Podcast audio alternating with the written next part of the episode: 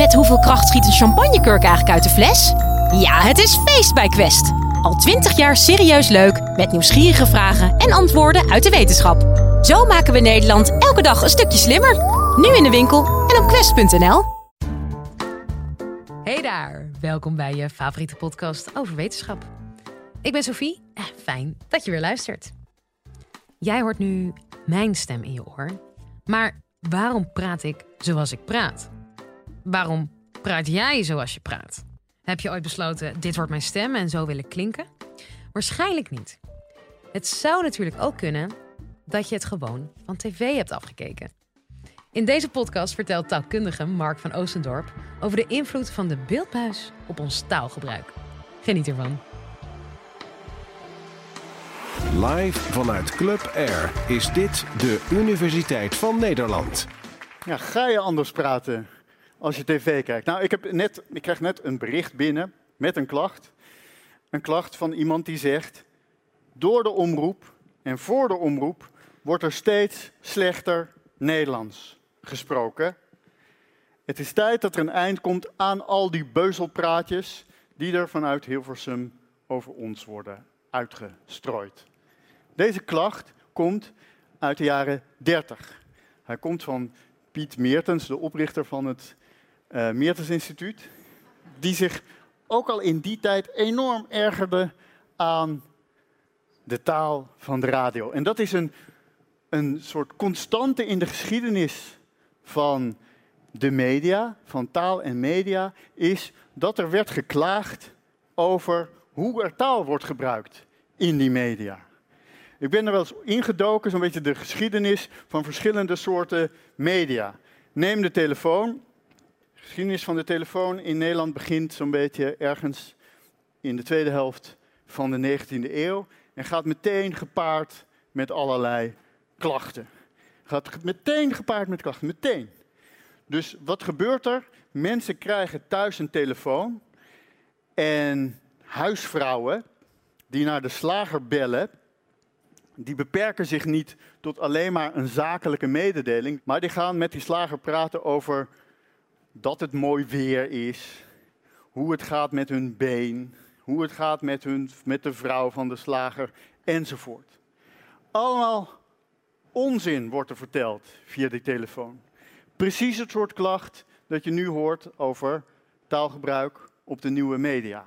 Dus er wordt alleen, het zijn allemaal onzinnige dingen er worden gezegd. Die klacht is al zo oud als de telefoon. De telefoon is in de loop van de tijd enorm veranderd. De plaats van de telefoon, daar kun je dat al aan zien, die is enorm veranderd. Nog 60 jaar geleden, waar was de telefoon bij mensen thuis? Die telefoon hing in de gang. Hing in de gang, in de ijskoude gang. In de ijskoude gang had je telefoon. Je moest de hoorn van de haak nemen. Je moest staan. En je moest in die koude gang staan. Dus je hield de gesprekken wel kort en zakelijk. Als je zo'n telefoon hebt, die al in de huiskamer kunt zetten, dan beginnen mensen al meer gewoon te praten. Gewoon dagelijkse taal te gebruiken via die telefoon. En volgens mij is dat de echte geschiedenis van taal en media is eigenlijk niet eens zozeer één dat wij anders zijn gaan praten, andere taal zijn gaan gebruiken vanwege de media, maar dat die media zich hebben aangepast aan hoe wij nu eenmaal graag praten. Duizenden jaren, tienduizenden jaren praten mensen al met elkaar, gebruiken mensen al taal. En waarschijnlijk is roddelen en onbenullige dingen zeggen altijd een heel belangrijk onderdeel geweest van taal juist zakelijk taalgebruik, echt strikt zakelijk taalgebruik. En mensen zijn nu nostalgisch, want we schrijven geen mooie brieven meer. We, schrijven elkaar geen handgeschreven mooie brieven meer. Maar hoe verschrikkelijk onnatuurlijk is dat? het schrijven van een. Ik wil jou iets zeggen. Ik moet een pen zoeken, ik moet papier zoeken, ik moet het opschrijven, ik moet een postzegel zoeken, ik moet die postzegel op de envelop plakken, ik moet de brief in de. Nou, enzovoort. ik moet naar een brievenbus lopen. Het is veel, wat we duizenden, tienduizenden jaren hebben gedaan, wij mensen, is met elkaar korte berichtjes uitwisselen, korte zinnetjes uitwisselen, kort met elkaar uh, praten. Dat is wat we willen, dat is wat we gewend zijn, dat is waar we taal voor hebben.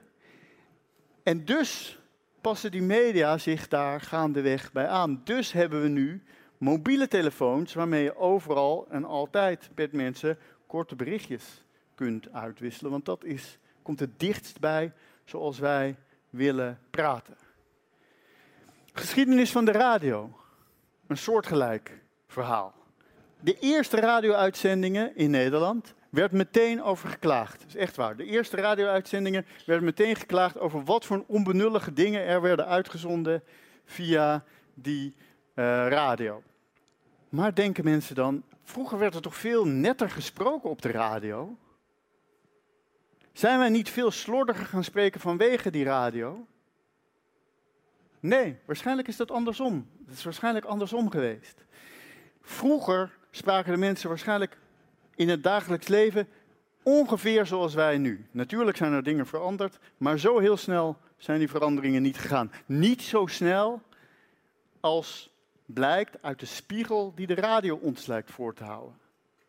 Neem uh, de uitspraak van de tussen-N, of de slot-N moet ik zeggen. Lopen zeggen in plaats van lopen. Als je luistert naar oude radio-uitzendingen, uh, dan hoor je ze iedere slot-N nog uitspreken. Miljoenen bijen hebben deze dagen in hun rieten of houten huizen een reisje naar de markt in Veenendaal gemaakt die naar men aanneemt haar ontstaan te danken heeft aan het feit dat in vroeger tijden de imkers elk jaar met hun zwermen naar de bloeiende Betuwe trokken. Dat in vroeger tijden ja, naar de Betuwe trokken. Denk, de, zo praten mensen vroeger ook niet. Zo sprak deze meneer ook niet, zodra hij die stropdas had afgedaan. Zodra hij zijn stropdas had afgedaan en thuis was, sprak hij ook niet meer iedere slot en uit. Dat wordt al honderden jaren niet meer gedaan waarschijnlijk. We vinden al klachten over dat mensen uh, slepen zeggen en lopen in de 17e En dat heeft zich in de loop van de tijd dus steeds verder voortgezet. Maar ook, die radio, ook voor de radio geldt, vroeger was een heel onnatuurlijke situatie. Zo'n omroeper die stond ook weer te spreken achter een microfoon en moest heel precies articuleren, omdat alle gekraken en geruis van zo'n microfoon overstemd uh, moest worden. Wat er dus gaandeweg gebeurt, is dat het gewone taalgebruik steeds meer in die media te horen is. Niet dat de media het gewone taalgebruik hebben aangepast. Maar hoe zit het dan met bijvoorbeeld de kinderen voor kinderen er? Hoe zit het daarmee? Het heet Kinderen voor Kinderen er. Komt dat dan niet van Kinderen voor Kinderen? Ja, dat zou je dus kunnen onderzoeken. Hè? Je zou kunnen onderzoeken, is er een correlatie tussen hoe vaak iemand naar Kinderen voor Kinderen heeft gekeken in zijn jeugd en hoeveel die zijn R tot een R maakt. Zou je kunnen onderzoeken. Het is voor het Nederlands helaas nog niet onderzocht, maar iets soortgelijks is wel onderzocht een keer in Engeland. De Kinderen voor Kinderen R van Engeland is vink zeggen met een F, vink zeggen met een F in plaats van the, Dat is iets dat ze in Londen al heel erg lang doen. En dat gaandeweg zich over het hele Verenigde Koninkrijk aan het verbreiden is. En bijvoorbeeld nu ook gebeurt in Glasgow. Mensen denken daar dat dat komt door de televisie, want een heleboel televisie komt uit Londen. Bijvoorbeeld de populaire um, uh, soap EastEnders. EastEnders speelt zich af in East End, dat is een wijk, een volkswijk in Londen. En daar zeggen ze Fink. In Glasgow beginnen gaandeweg mensen die naar EastEnders kijken ook steeds meer Fink te zeggen. Oké, dus nu kunnen we dat onderzoeken. Is er nu een relatie tussen hoe vaak je naar EastEnders kijkt en de waarschijnlijkheid dat je Fink zegt. Uit dat onderzoek, heel nieuw onderzoek, blijkt dat het eigenlijk nog steeds daar ingewikkelder ligt. Het is wel zo dat EastEnder-kijkers vaker Fink zeggen dan niet-EastEnder-kijkers. Maar er is niemand, niemand die Fink zegt en die niet op zijn minst één andere persoon kent die ook Fink zegt. Je, je, je begint alleen maar op een bepaalde manier te praten als je iemand anders kent die dat ook doet. Je neemt alleen maar dingen over van mensen in één op één contact.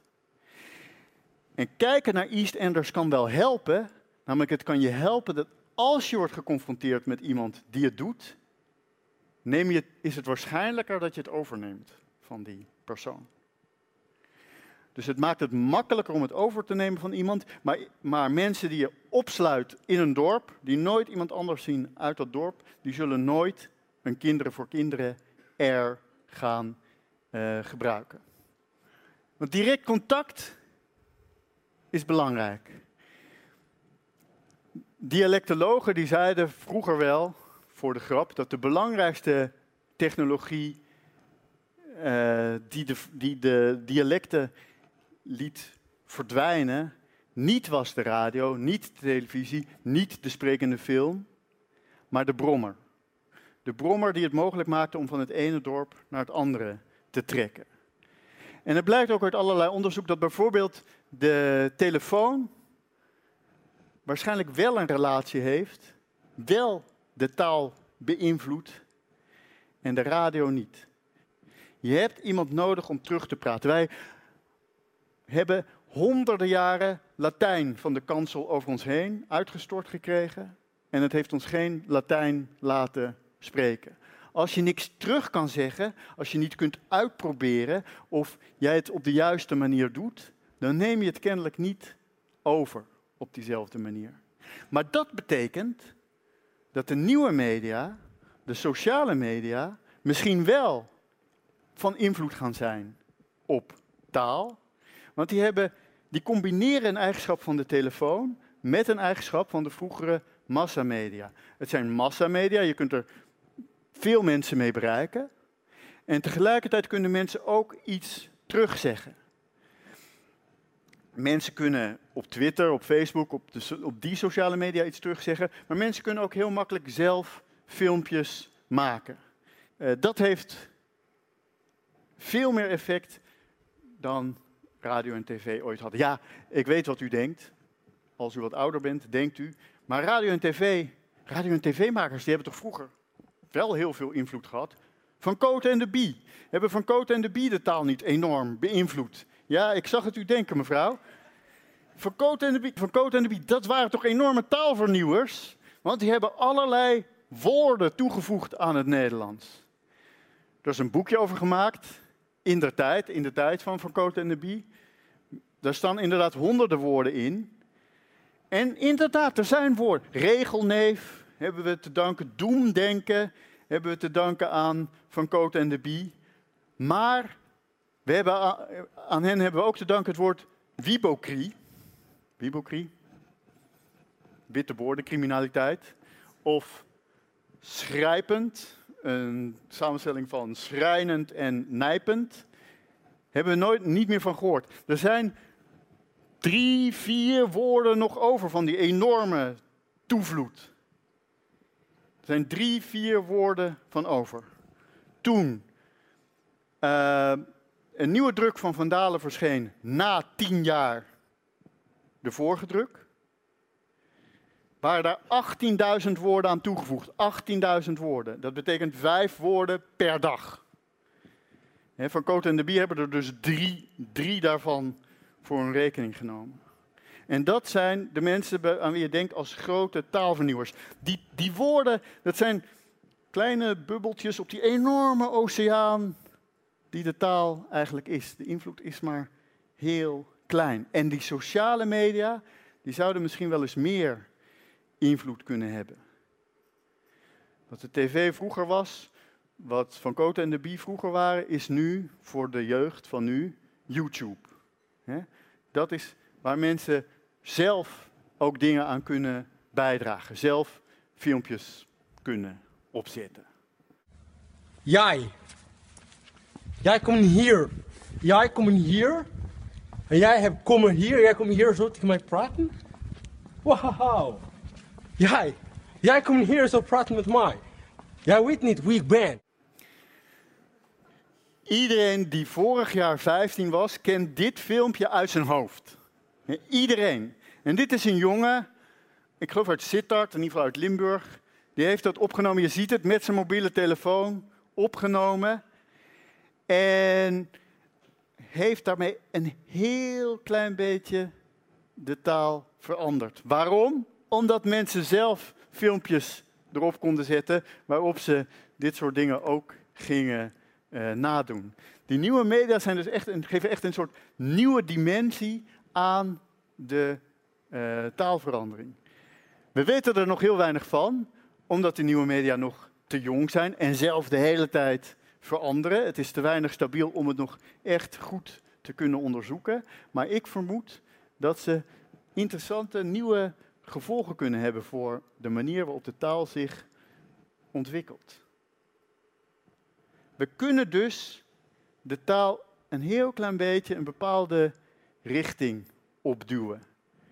Een heel klein beetje. Maar we doen het eigenlijk iedere dag, want we passen ons allemaal aan elkaar aan. Ik hoop dat je het een boeiend college vond. Ik wel. Check vooral ook de rest van onze playlist, want we hebben echt nog veel meer colleges voor je in de aanbieding. Volgende keer iets heel anders. Dan gaan we het hebben over wat het betekent als je geen nationaliteit hebt. Mijn naam is Sophie Frankmolen. Heel graag tot dan.